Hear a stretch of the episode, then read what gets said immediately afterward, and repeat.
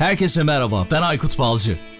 Teknoloji, iş dünyası ve dijitalde trendleri konuştuğumuz Dünya Trendleri Podcast serisinin yeni bölümüne hepiniz hoş geldiniz. Dünya Trendleri Podcast'in yeni bölümünden herkese merhaba. Bu bölümde konuğum uzaklardan, Hollanda'dan kendisi bir yazılım geliştirme lideri, yazılım geliştirme uzmanı. Uzun yıllardır bu işi yapıyor. Kariyerinde birçok önemli şirket var.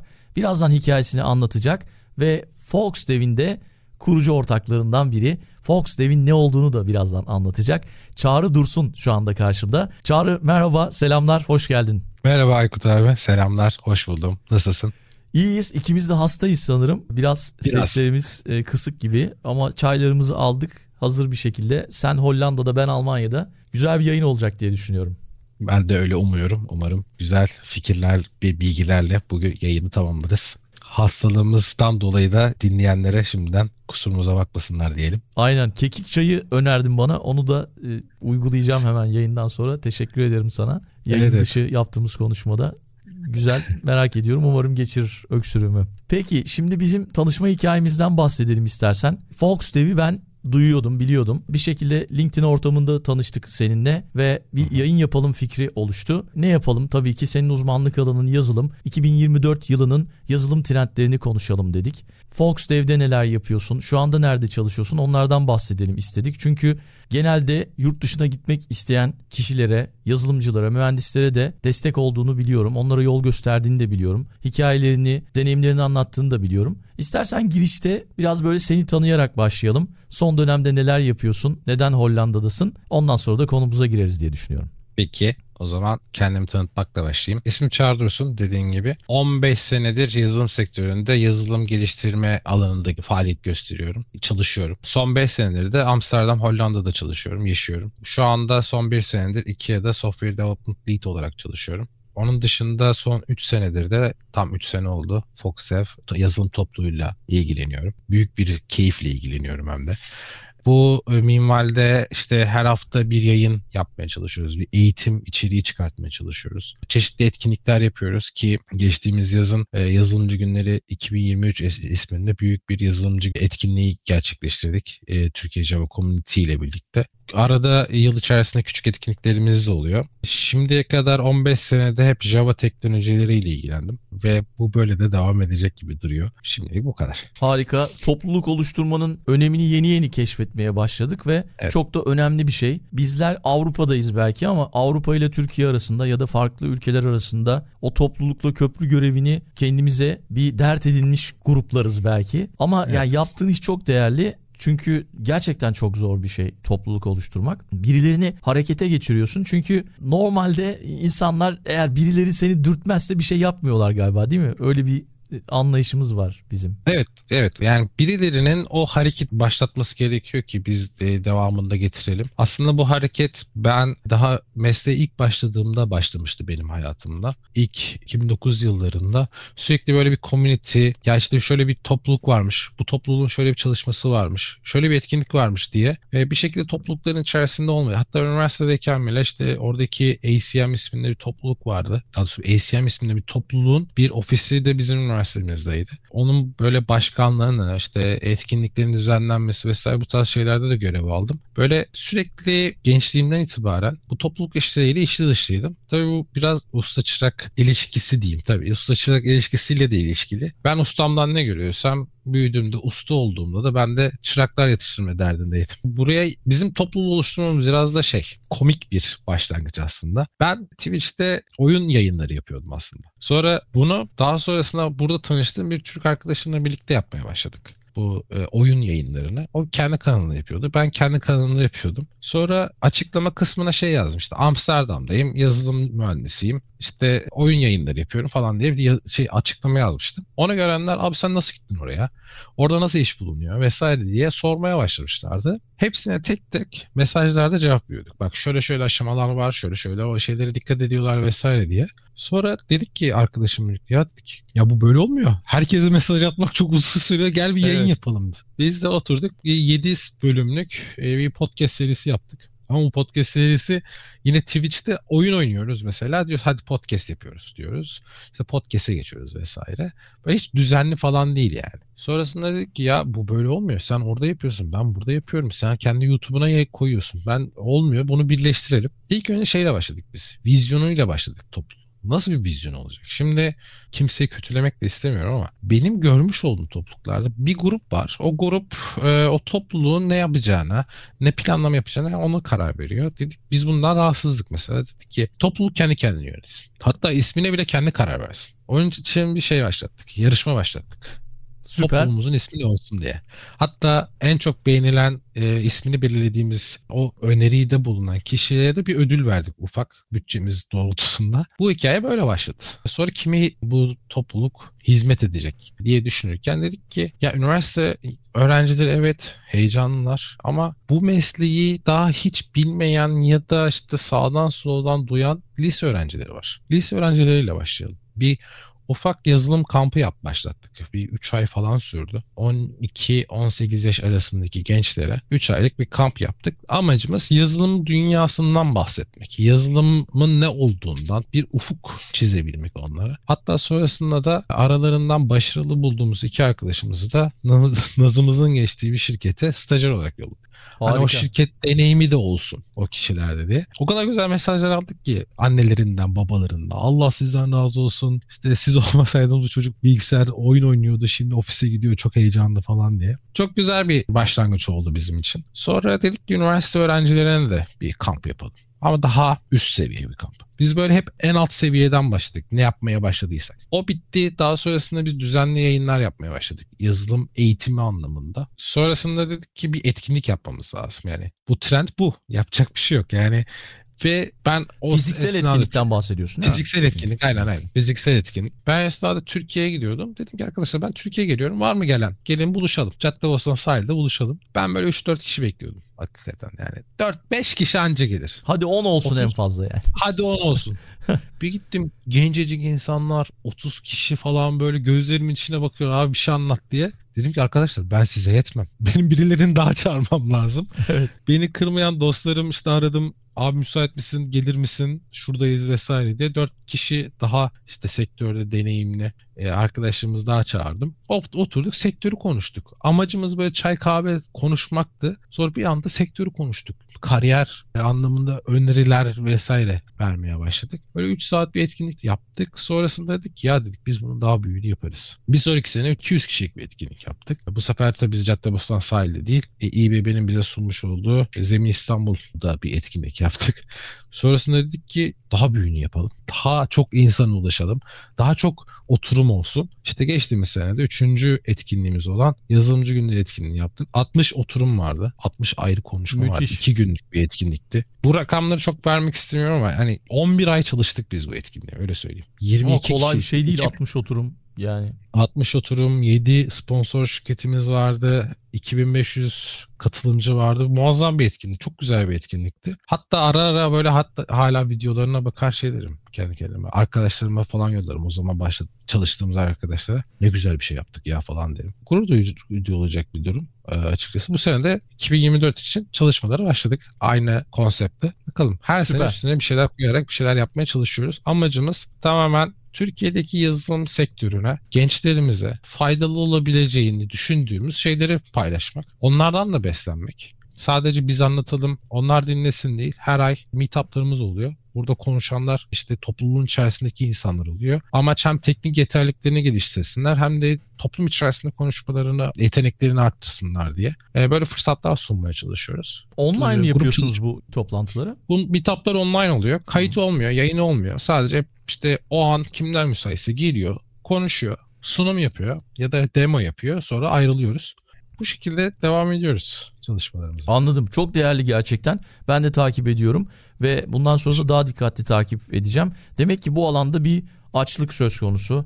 Yeni nesil Z kuşağı diyoruz ya hani çok eleştiriliyor. Evet. Ama bu konuda bir açlık söz konusu. İşte deneyimli kişilerin gönüllü olarak bir de bu işe gönül vermesi çok değerli. Tekrar bir bakacağım YouTube'dan o etkinliklerinizi izleyeceğim. Teşekkür ederim. Podcast'ın açıklama kısmında da paylaşalım. Belki merak edenler olur diye düşünüyorum. Teşekkür ederiz. Peki şimdi 2024 yılının yazılım trendleri diye bir başlık seçtik. Yani doğru bir başlık mı bilmiyorum tabii. Onu sen e, söyle istersen. Yazılım geliştirme trendleri mi diyelim, nasıl diyelim? Yok teknoloji trendleri diyebiliriz, diyebiliriz aslında. Hepsi iç içe olduğu için. Ama e, şöyle bir durum var. Yani yazılım trendi dediğimiz şey yıllık değil haftalık değişiyor. Değişen bir şey. O yüzden anca böyle planlamalara işte şirketlerin 2024'teki çizmiş oldukları vizyonlara bakarak tahminlerde bulunabiliriz ama teknoloji inanılmaz hızlı bir şey. O yüzden şimdiden ya 2024'te kesin böyle bir şey olacak demek çok doğru bir yaklaşım. Ya sadece tahmin et. Tabii öngörülerimizi aslında. söyleyeceğiz. Hı hı. Yani olur olmaz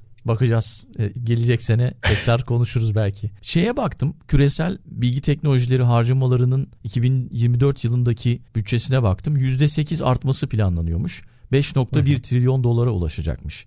Yani hiç bilgi teknolojileri deneyimine sahip olmayan uygulamalar birçok var. Mesela hastanelerden tut da işte iş yerlerindeki sosyal medyaları izlemeye kadar toplumun her şeyi yapmasına yardımcı olan yazılımlar var. Bu yazılımların gelişmesiyle 2024 yılında yeni şeyler karşımıza çıkacak ve burada da benim gördüğüm işte 2024 yılında özellikle Covid salgınıyla bulut hizmetlerine geçişin hızlanması ve 2024 yılında da bunun çok daha fazla dijitalleşmenin artmasıyla birlikte işletmelerde çok daha fazla karşımıza çıkacak olması. Sen evet. katılır mısın buna bilmiyorum. Şimdi bulut bilişim konusunda şöyle bir şey söyleyebilirim. Orada bir e, engel var. Bütün yazılımların bulut bilişime geçmesi konusunda. O da regülasyonlar. Örneğin Türkiye'deki bir banka bir bulut bilişim yani daha doğrusu cloud computing dediğimiz o teknolojiyi kullanamazlar. Çünkü önlerinde bir regülasyon var. Veri de, e, regülasyonu. Ya da telekomünikasyonda da bu regülasyon geçerli. Bildiğim üzere bazı sektörlerde Avrupa'da da bu regülasyon geçerli. Özellikle spesifik alanda örneğin elektrik alanında bir ticaret yapıyorsanız bazı regülasyonlar doğrultusunda o bulut bilişimi kullanabiliyorsunuz. Örneğin ben bir önceki şirketimde e, böyle bir regülasyon tabiydik ve sunucularımızı sadece ve sadece Frankfurt'taki AWS sunucularında tutabiliyorduk. Onun dışında hiçbir sunucuyu taşıyamıyorduk. Böyle sınırlamalar falan vardı. Onun dışında dediğin ilk söylediğin şey her sektörün, her şirketin bir şekilde yazılıma dokunması bekleniliyor artık. Çünkü hastane dediğiniz şey tak önümüze şey çıkıyor. Hastane otomasyonu işte hastane bilgi işlemi. Çünkü artık yazılım şu noktada bugün itibariyle insanların manuel olarak yapmış olduğu bazı işlemleri otomatize nasıl edebiliriz? Bunun düşüncesiyle çıkan yazılım ürünleri karşımıza çıkıyor. Örneğin yakın bir dostum Twitter'da şu an ismini vermem doğru değil. E, çünkü hala geliştirme aşamasında. Şöyle bir geliştirme yapıyor. Ya şirketler bazı tanıtım ürünleri için Twitter pazarlama işlemleri yapıyor. Biz öyle bir AI tool yazalım ki bütün Twitter'ı tarasın, önlerine bir rapor çıkartalım. Bu önceden manuel olarak yapılan bir şeydi ya da başka farklı farklı tool'ların böyle üretmiş olduğu raporları bir yere getiren bir şeydi. Bu tarz automation işlemleriyle e, artık hayatımızı daha da kolaylaştırma noktasındayız. Bir de 2023 mesela ChatGPT yılıydı. Daha doğrusu GPT evet. yılıydı. ChatGPT onlardan bir tanesiydi. İşte ChatGPT ile şöyle yazdırdım. ChatGPT'ye şöyle cevap yazdım falan. Hatta şey ilk Siri çıktığında hatırlar mısın? İlk Siri çıktığında herkes Siri ile bir şekilde sohbet etmek istiyordu. Doğru. İşte nasılsın falan diye. Şu an o böyle ChatGPT'ye kaymış durumda. Özellikle son işte Kasım ayında bir duyuru yaptılar. GPT-4'u tanıttılar. Ve bombayı düşürdüler aslında bu sektöre. GPT sektörüne. İşte GPT-4'la mesela marketing, şey GPT marketi herkes kendi GPT'sini üretebilecek duruma gelecekti falan. Herkes çok heyecanlandı. Ben de mesela e, GPT-4 ilk duyuruldu. Hemen dedim ben almalıyım başvurdum. iki ay sonra falan geldi bana. O hakkı iki ay sonra alabilir. Sıra bekledim çünkü. Herkes şey yaptı. İlk yaptığım şey de kendime bir tane şey yapmak. Bu pop figürler var ya resim nasıl çizebiliyor acaba falan diye. Aslında iş biraz şu anda eğlence kısmında. Ama bunu evet. çok ciddi sektörel fırsat haline getirecek şeylerle karşılaşabileceğiz 2024'te.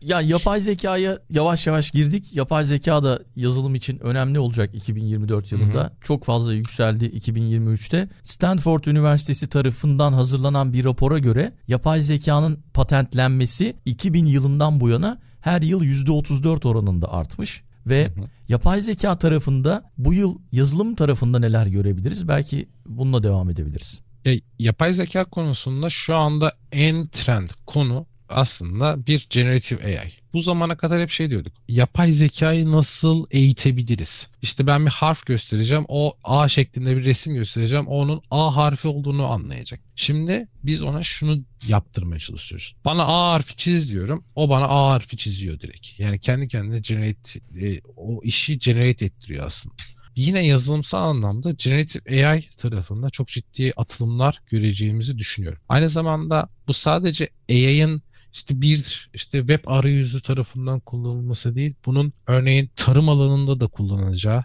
e, çözümler göreceğimizi düşünüyorum. Hastane ilaç konularında bir araştırma yapılmış. Bununla ilgili G2'nun e, sunmuş olduğu şeylerden bir tanesi, raporlardan bir tanesi. Hastanelerde AI tarafından reçete yazılması çalışmaları başlatılıyormuş. Güzel. Bu tarz geliştirme bu tarz geliştirmeler, gelişmeler göreceğimizi düşünüyorum. Bir de biz geçtiğimiz dönemlerde No Code, Low Code diye bir yayın yapmıştık. 2024 yılında bu e, nasıl ortaya çıkacak? Yazılım geliştirmede önemli bir trend olarak ortaya çıktı. Belki 2024'te de görmeye devam edeceğiz herhalde.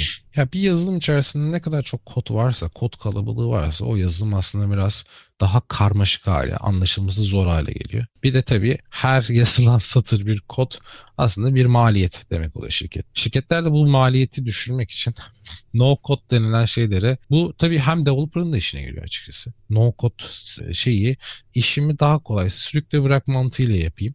Ama bu şey gibi bir durum. Yani ChatGPT çıktı işte developerlar işsiz mi kalacak? Hayır. ChatGPT'ye bunu sorduğunuzda dahi ben developer'ın yardımcısı olabilirim. Developer kadar kompleks bir şey çözemem hiçbir zaman diyor. Şu anda bunu cevap veriyor. Mesela geçen dün bunu sordum. Hakikaten merak ettim. E, böyle bir cevap verdi. Evet. Şimdi no code da aslında o kompleks dünyanın çözümleyebildiğimiz o kalıplaşmış kısmını çözümlemek ve asıl o kompleks alana fokuslanmasını sağlayacak bir alan no code. Bununla ilgili şu anda böyle çok hype bir durum söz konusu değil açıkçası. Ama bununla ilgili developer tool'ları üretiliyor açıkçası. E, önümüzdeki dönemlerde bunlarla ilgili gelişmeler duyabiliriz. Developerların hayatını kurtaran bir diğer, hayatını kurtaran, kolaylaştıran diyeyim e, bir diğer gelişme de AI tool'ları, development AI tool'ları. Örneğin en son IntelliJ çıkarttı kendi AI asistanını. IntelliJ Assistant'tı galiba adı. Ben mesela uzun süredir Codium diye bir ürün kullanıyorum. İşte Copilot var uzun süredir hayatımızda. Bu tarz tool'lar karşımıza çıkmaya devam edecektir. Bu developer'ın gün içerisinde yapmış olduğu işlemleri kolaylaştırmak için üretilen şeyler, tool'lar. Bunları daha çok göreceğiz.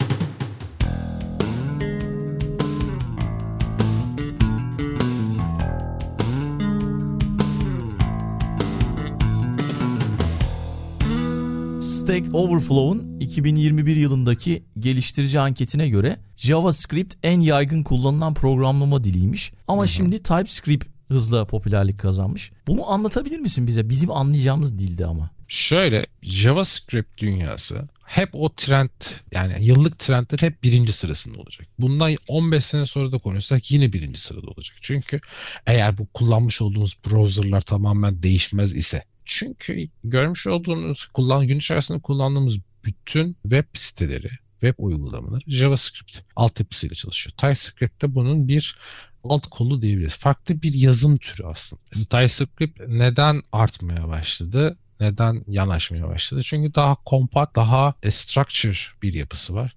JavaScript'te geliştirilmiş olduğu olunan bir frontend application'ı TypeScript'te yazıldığında daha kompakt ve daha iyi anlaşılabilir hale geliyor. Developer'lar da yeni başlayacağı, başladığı projelerde TypeScript'i tercih edebiliyorlar. Peki siber güvenlik konusu da galiba muhtemelen önümüzdeki birkaç yıl içerisinde önemli bir endişe kaynağı olmayı sürdürecek. Evet, Bu konuda evet. kötü amaçlı yazılım geliştirmenin hızlandığını da görüyoruz. Hı hı. Ee, bu konuda ne gibi gelişmeler olur 2024'te? Ya özellikle cloud computing'in gelişmesi, bu kadar çok yaygınlaşması, bu kadar çok demeyeyim hatta yani bütün şirketlerin neredeyse neredeyse ucundan köşesinden bir şekilde cloud computing'e kullanıyor olması siber güvenliği daha önemli hale getirmiş oldu. Çünkü önceden şirketler e, kendi şirketlerinde bir ofisin bir köşesinde tutmuş oldukları bir sunucuda sunuyorlardı bunların e, şeylerini, e, bilgilerini, e, daha doğrusu uygulamalarını. E şimdi hiç tanımadıkları bir dünyada belki benim uygulamamla senin uygulama aynı sunucuda barınıyor. Senin uygulama kötü amaçlı bir uygulama olabilir. Kötü Evet kötü amaçlı bir yazılım olabilir. Bu tarz şeyler için security alanı, siber security alanı daha önem arz etmeye başladı. Özellikle G2'nun yine geçenlerde okuyordum. G2'nun şöyle bir 2024 raporunda şöyle bir şey var. Der ki AI araçlarının teknoloji dünyasındaki insanları yavaş yavaş elimine etmesi bu biraz tartışmalı bir konu aslında. Şöyle diyor. As AI removes people from the tech equation, security products will become more human focused. Yani tech alanındaki ins- insanların AI tarafından elimine edilmesinden dolayı security alanında insanlar daha çok görev alacağını söylüyor. 2024 alanında. 2023'teki gelişmelere baktığımızda security alanında her AI, daha doğrusu her cloud computing AI demeyeyim, bir şekilde bir security ürünü de bir geliştirme yapıyor. Önceden bu kadar şey değildi. Biz birkaç tane şifreleme algoritması yapardık ve uygulamamız derdik ki secure. Ama şimdi bunlara dahi güvenmeyip şey yapıyoruz. E, e, o cloud computing'in sunmuş olduğu security şeylerine, AI'ın sunmuş olduğu security ürünlerine yoğunlaşmış durumdayız. Çünkü data çok önemli. Elimizde evet. barındırdığımız data çok önemli. Bu datayı da saklamak istiyoruz. E, 2023'te bir sürü şey habere çıktı. İşte data leakage haberi çıktı. Verinin sızdırılması haberi. E, her biri şirketleri inanılmaz e, prestij kaybettiriyor. İnsanlar da şirketler de bu prestij kayıplarını istemiyorlar. Bazılarından haberimiz bile yoktur belki. Tabii ki yoktur. Bir de şeyi gördüm yani siber poliçe diye bir kavram çıkmış. 2016 ile 2019 yılları arasında %60 artmış şirketler artık siber poliçe ile siber sigortaya yatırım yapıyorlarmış. Bu 2024'te de çok fazla şirketlerin tercih edeceği bir durum olacakmış yani. Bu konuyu bilmiyordum açıkçası. Böyle bir politik zamanda sigorta şirketinde çalışmış biri olarak ilk defa duydum evet. diyebilirim. Ben de şaşırdım. Ama evet. enteresanmış. Hatta şey... Şöyle şeyler oluyordu. Fidye yazılımları falan oluyordu. Bunlara karşılık yapılan bir şey mi acaba? Olabilir yani Google arama motorunda da siber sigorta yazdığınızda yani son 10 yılda %135 artmış. Demek ki insanlar böyle bir şey aradı. Yani biz siber hmm. saldırılara karşı önlemimizi aldık ama bir de sigorta yapalım gibi mi düşündüler acaba? Var mı acaba Olabilir. Türkiye'de böyle bir poliçe? Bir araştıralım onu. Bir araştırmak lazım gerçekten. Yani şöyle şeyler oluyor işte benim yakınımın başına gelmişti. Bir kurumsal web sitesi var yakınımın. Şöyle bir, bir giriyor web sitesine. Çok küçük bir şirket yani öyle umursamazsın bile. Öyle söyleyeyim bir hacker olsa. Girmiş, hacklemiş e, web sitesinde. Bunu da paketlemiş sunucuya koymuş şifrelemiş bu pakete de. Evet. Şey yazmış bir mail atmış yakınıma. İşte şu kadar şu kadar para verirsen şifreyi sana söylerim. Yoksa bütün şeyim bende. Bütün sunucularım bende diye. Bana söylemişti ne yapayım sence diye. Dedim yak. bir şey siteyi yak. Yani daha ucuza yeniden site yaptırırız. Doğru. Şey yap, başka sunucuda sıfırdan yeni web sitesi yapmıştı mesela. Belki daha büyük şirketler bundan bunu engelleyebilmek için bu tarz şeyler yaptırıyor olabilir. Kesinlikle ben de katılıyorum. Çünkü çok büyük şirketler, bankalar, işte ne bileyim hastaneler demin de örnek verdik. Hı-hı. Finans şirketleri, okullar yani bir sürü data var ellerinde. O datalar giderse geri dönüşü yok. Geri dönüşü olmaz. Ya datanın gitmesi geri dönüşüm olmaz dediğin gibi. Ama amaç o o poliçeyle amaç o datanın gitmesinden kaynaklı yaşanılan maddi zararın mı karşılanması yoksa datanın geri alınabilmesi için gerekli olan o fidyenin mi ödenmesi? Orası da bir soru işareti. Doğru. Ben şöyle şeyler 2017'de değil de işte ilk 2014-2015 yıllarında bir uygulamayı canlı alacağım zaman sunucu fiziksel sunucuya IP üzerinden bağlanıp oradaki bana sö- söylenen dosyaya dosya atıyordum. Sonra da bunu deploy etmiş oluyordum. Bunlar çok benim oraya yüklediğim dosya virüs bulaşmış bir dosya olabilir. İşte Cloud zaten bu tarz şeylerde güzel çözümler getiriyor hayatımıza. O yüzden her geçen gün kullanımı artıyor. Tabii teknoloji dünyasında her şeyi bilmek imkansız bir şey. Yani ben 15 senedir Java yazıyorum. Mesela Java diliyle ilgileniyorum. Java dili özelinde bile şey diyemiyorum ben. Java ile ilgili her şeyi biliyorum diyemiyorum. Ki teknoloji şey güneş sistemi gibi düşünün. Yani galaksi sistemi o güneş Java oluyor. Yani öyle bir şey teknoloji. İstihdam alanında ne öngörüyorsun? Sen şimdi uzun zamandır Avrupa'dasın Hı. ve orada ne tür yazılımcılara ihtiyaç oluyor? Ne gibi eksikler oluyor? Bu alanda kendini geliştirmek isteyenler için neler söyleyebilirsin bizi takip edenler kendi geliştirmek isteyenler olabilir. Belki bunlardan bahsedebiliriz. Tabii ki memnuniyetle. Birincisi bir süredir bir layoff, işten çıkartma furyası var. Hem Türkiye'de hem Avrupa'da, işte Amerika'da da var bazı şirketlerde bu. Hiç alakası olmayan şirketler bile ya böyle bir şey varmış deyip etkilenen şirketler var benim. Şu an çalıştığım şirket gibi kar ediyor şirket ama diyor ki biz alımları durdurduk. İşte dondurduk 2024'de. Şu an etrafımdaki çoğu şirket ya da arkadaşlarımın da çalışmış olduğu çoğu şirket bu şekilde e, bir karar almış durumda. Bu üzücü bir durum ve sektörü de strese sokan bir durum. Ama tabii ki işi alan, işini büyüten e, şirketler var. Yazılım şirketleri var. Buralara hedef diyen arkadaşlarımızın birinci önceliği kesinlikle İngilizce Türkiye'de çalışıyorsa da Avrupa'ya gelmek istiyorsa da İngilizce bu işin ana dili. 2 kere 2 4 eder. Çünkü yapacağınız herhangi bir araştırmada İngilizce bir şekilde karşınıza çıkıyor ve işi o öğrenmek istediğiniz şeyi tamamen öğrenmek için okuduğunuz şeyi anlamanız gerekiyor. Biz bu anlamda mesela Türkçe kaynak olarak yazılımda Türkçe kaynak olarak YouTube kanalımızı barındırıyoruz ama biz de bir yere kadar yetebiliyoruz açıkçası. Devamındaki araştırmada yine İngilizce ile karşılaşıyor arkadaşlarımız. İngilizce çok önemli açıkçası.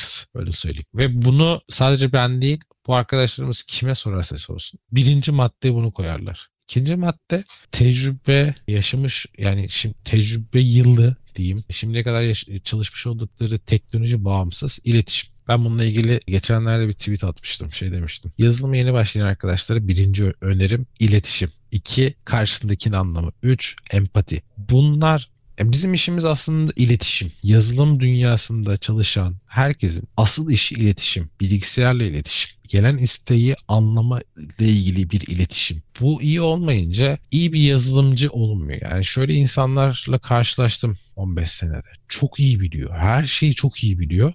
Ama iletişimi kuvvetli olmadığı için bir şekilde kendini bir yer edinmiş ve orada duruyor arkadaşımız. Anladım. İletiş, iletişim becerileri özellikle 2024'te. Çünkü iletişimi aç bir durumdayız şu anda. Bir süredir. Uzaktan çalışıyoruz. Mesela seninle şu anda chatte yani e, kamera karşısında konuşmakla birebir konuşmak arasında ciddi fark var.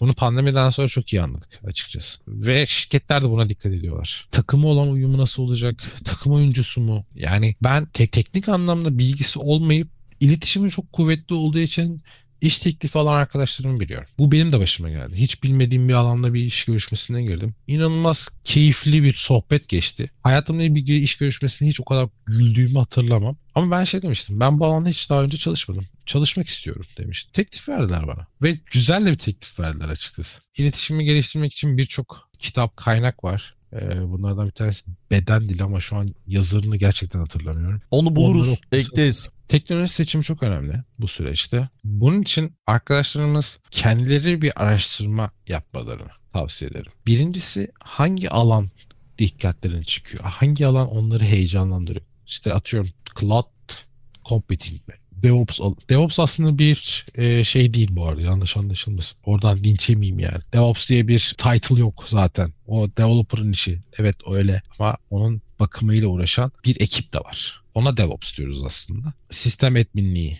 mi heyecanlandırıyor. İşte backend teknolojilerimi heyecanlandırıyor. Frontend teknolojilerim işte ben kullanıcının kullandığı ürünü geliştirmek istiyorum. Frontend mobile olabilir, AI olabilir, game development olabilir. Bunlara bir karar vermek lazım. Sonrasında da ben bana soran e, bu üçüncü aşamadan sonra bana soran arkadaşlarımla şey diyorum. LinkedIn'e gir, ülkeyi seç, o alandaki trend şeylere bak teknolojilere bak. Hangisinde daha çok fırsat çıkıyorsa o alanda iş bulman daha kolay olacaktır. Bunu araştırmalarını yapmalarını tavsiye ediyorum. Bir de denemelerini tavsiye ediyorum. Şöyle şeyler oluyor. Bu bende de oldu yani. Takip ediyoruz birilerini. Birilerinden influence ediliyoruz açıkçası. Evet. O kişi ne yapıyor? İşte Java yazıyor. Ha tamam ben de Java yazmalıyım oluyor. Halbuki pastada bir sürü çeşit şey var. Önümüzde bir sürü çeşit pasta var pardon.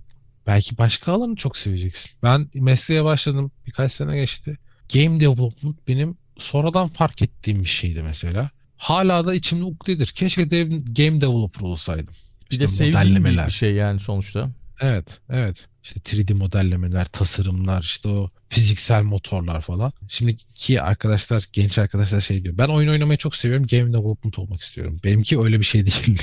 yani işin içindeki o zorluğun da farkındayım. Çok hoşuma giderdi ama aradan 5-6 sene geçtikten sonra bu değişikliği yapmak çok zor oluyor. Sancılı oluyor. O yüzden iyi dikkatli olmalarını tavsiye ederim. Baktığımızda yazılım dilleri, teknolojileri diyeyim, dilleri demeyeyim de yazılım teknolojilerine baktığımızda tabii bunu JavaScript dediğim gibi hep hayatımızda olacak bir şey. O hep birinci sırada olacak yani o raporlarda. JavaScript teknolojilerine devam etmek için işte Angular bir ara çok popülerdi. Sonra React'le birlikte böyle popülerliği azaldı gibi görünse de hala da çok fırsatı olan bir şey. Vue.js için maalesef aynı şeyi söyleyemeyeceğim. Çünkü bir kişinin geliştirmesine bakıyor Vue.js. Developerlar da bunun farkında ve ona böyle biraz temkinli davranıyorlar. Ama JavaScript bunların hepsini cover eden bir dünya. Oraya bir girdiğiniz zaman içerisinde bir sürü teknolojiyle karşılaşıyorsunuz. Bunlar sadece frameworkleri açıkçası. Python tabi AI dedik, Gen, e, Gen AI dedik, Machine Learning dedik. Data Science'dan konuşmadık aslında. Data Science hayatımızın hep bir parçası oldu ve olmaya da devam edecek. E bunlarla çalışılmak isteniyorsa Python birinci sıradaki teknoloji oluyor. Onun dışında tabii ki benim 15 yılımı verdiğim Java teknolojileri. Java'da örneğin bu gelişim hızına ayak uydurabilmek için 6 ayda bir yeni sürüm çıkartıyor ve heyecan verici şey değişiklikler de yapıyorlar. İşte yılın ne zamandı? Yılın başında Ocak ayında mıydı? Ee, Şubat ayında Java 22'yi çıkaracak. Biz daha Java 21'e yeni geçirdik şeylerimizi. Evet ee, öyle de bir durum var değil mi? Çok hızlı her şey. Yetişemiyoruz yani. Aynen. Ama bu sefer orada çok akıllı bir şey yaptılar. Dediler ki uzun süreli support bir de kısa süreli support dediler. Uzun süreli support işte 21 mesela uzun süreli supportlardan bir tanesi. Onun öncesi 17 idi. 17-21 arasında şey dediler şirketlere. Sen 17'ye geçir 21'e kadar kafan rahat olsun. 21'de tekrardan geçişi yapmak yapacağız. İşte 17 ile 21 arasında da biz yeni feature'lar deneyeceğiz. Yeni bir şeyler yapmaya çalışacağız. İşte Loom projesi bunlardan bir tanesiydi. 21'de geldi hayatımıza. 22'de de bunun gelişmesine devam ediyorlarmış mesela. Tabii heyecan verici şeyler var Java dünyasında. Cloud var. Örneğin Cloud Native Development diye bir şey çıktı mesela hayatımıza geldi Java'da. E, Quarkus'la birlikte artık Java uygulamaları uygulama geliştirme esnasında scalable cloud uygulamalar haline gelmeye başladı. Öte tarafında geliştirmeler oldu Java tarafında. Küçük gömülü cihazlarda Java teknolojilerini kullanabiliyor hale geldik yeni versiyonla birlikte. AI ve ML yani Machine Learning'de de Java ile ilgili geliştirmeler var. Tabii Python burada bayrağı kaldıran bir teknoloji ama Java teknoloji, Java tek stack'inde diyeyim AI ve Machine Learning tarafında kütüphaneler geliştirilmeye başlandı ve devam da ediyor. E, son son olarak ve bence en şaşırtıcı olan da Java'nın hala mobil development'ta kullanılıyor olması. Çünkü Java Kotlin kardeş teknolojiler. Öyle söyleyebiliriz. Ama hala Java diliyle Android uygulamalar yazmak mümkün ve bu tarz uygulama sayısı da oldukça fazla. Ama bu yavaş yavaş azalacağını öngörebiliriz. Artık Kotlin daha mobil friendly bir teknoloji olduğu için Java tarafının onun daha azalacağını öngörebiliriz. Peki Çağrı çok teşekkürler bu bölümde konuğum olduğun için. Son olarak belki kitap önerini alabiliriz. Ondan sonra da veda eder kapatırız. Benim hayatımı ve geleceğe olan bakışımı değiştiren kitaplardan bir tanesini önermek istiyorum. O da yanlış telaffuz edebilirim. Jose Rodriguez dos Santos'un Tanrı'nın formülü. Şu aralar çok konuşulmaya başlandı. İşte AI ürünleri hayatımıza gelecek işte insanlar robotlaşacak bu çok eski bir söylem ama bu aslında bu kitapta çok güzel bir şekilde açıklanıyor ve bunun olacağına inanmaya başlıyorum özellikle bu Gen AI geliştirmeleriyle birlikte. Herkese tavsiye ederim. Peki tamam bunu da koyduk kütüphanemize. O zaman Harika. tekrar buluşmak üzere. Çok çok sağ ol. Tekrar görüşürüz. Davetiniz için ben çok teşekkür ederim. Umarım tekrardan görüşürüz. Bölümü kapatmadan önce Patreon destekçilerimiz Recep Topçu, Ahmet Uçar, Necdet Dikmen, Serdar Sungur ve Nilay Atalay'a çok teşekkürler. Eğer siz de Patreon üzerinden destek olmak isterseniz podcast'in açıklama kısmında Patreon linkimizi bulabilirsiniz. Dünya Trendleri Podcast serisinin bu bölümünün sonuna geldik. www.dünyatrendleri.com Twitter'da @dünyatrendleri, Instagram'da dünya.trendleri adreslerinden Dünya Trendleri Podcast'i takip edebilirsiniz. Unutmayın önerileriniz ve merak ettikleriniz içinse info gmail.com adresinden mail atabilirsiniz. Bu bölümü dinlediğiniz için çok teşekkürler. Yeni bölümde tekrar buluşmak üzere.